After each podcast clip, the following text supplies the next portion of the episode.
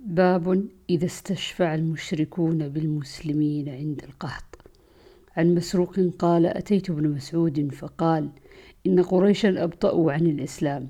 فدعا عليهم النبي صلى الله عليه وسلم فأخذتهم سنة حتى هلكوا فيها وأكلوا الميتة والعظام. فجاءه أبو سفيان فقال يا محمد جئت تأمر بصلة الرحم وإن قومك هلكوا فادعوا الله تعالى. فقرأ فارتقب يوم تأتي السماء بدخان مبين. الآية ثم عادوا إلى كفرهم. وذلك قوله تعالى يوم نبطش البطشة الكبرى يوم بدر. قال وزاد أسباط عن منصور فدعا رسول الله صلى الله عليه وسلم فسقوا الغيث فأطبقت عليهم سبعا. وشكى الناس كثرة المطر. قال اللهم حوالينا ولا علينا. فانحدرت السحابة عن رأسه. فسقوا الناس حولهم.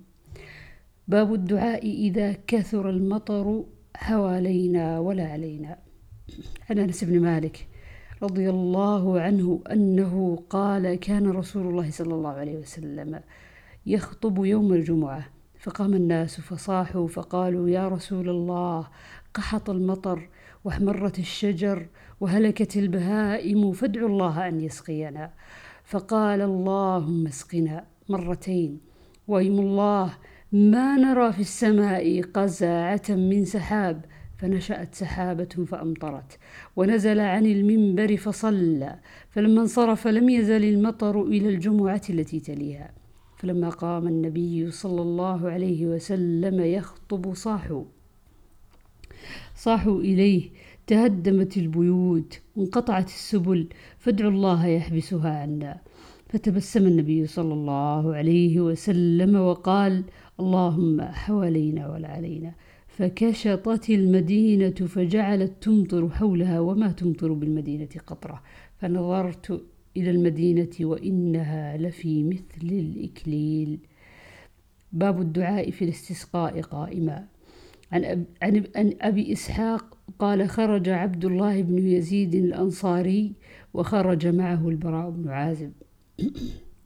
وزيد بن أرقم رضي الله عنهم فاستسقى فقام بهم على رجليه على غير منبر فاستسقى ثم صلى ركعتين يجهر بالقراءة ولم يؤذن ولم يقم. قال أبو إسحاق ورأى عبد الله بن يزيد النبي صلى الله عليه وسلم.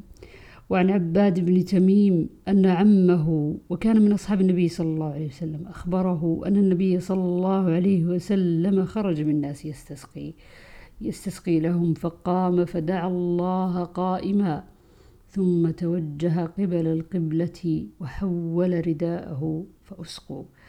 باب الجهر بالقراءة في الاستسقاء وعنه عن عمه قال خرج النبي صلى الله عليه وسلم يستسقي فتوجه إلى القبلة يدعو وحول رداءه ثم صلى ركعتين يجهر فيهما بالقراءة.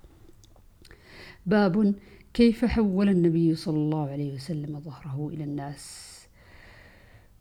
وعنه قال رأيت النبي صلى الله عليه وسلم يوم خرج يستسقي قال فحول إلى الناس ظهره واستقبل القبلة يدعو ثم حول رداءه ثم صلى لنا ركعتين جهر فيهما بالقراءة.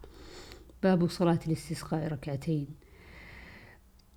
وعنه أن النبي صلى الله عليه وسلم استسقى فصلى ركعتين وقلب رداءه. باب الاستسقاء في المصلى. وعنه قال خرج النبي صلى الله عليه وسلم إلى المصلى يستسقي واستقبل القبلة فصلى ركعتين وقلب رداءه. آه، قال سفيان فأخبر المسعودي عن أبي بكر قال جعل اليمين على الشمال. باب استقبال القبلة في الاستسقاء. وعنه أن النبي صلى الله عليه وسلم خرج إلى المصلى يصلي وأنه لما دعا أو أراد أن يدعو واستقبل القبلة وحول رداءه.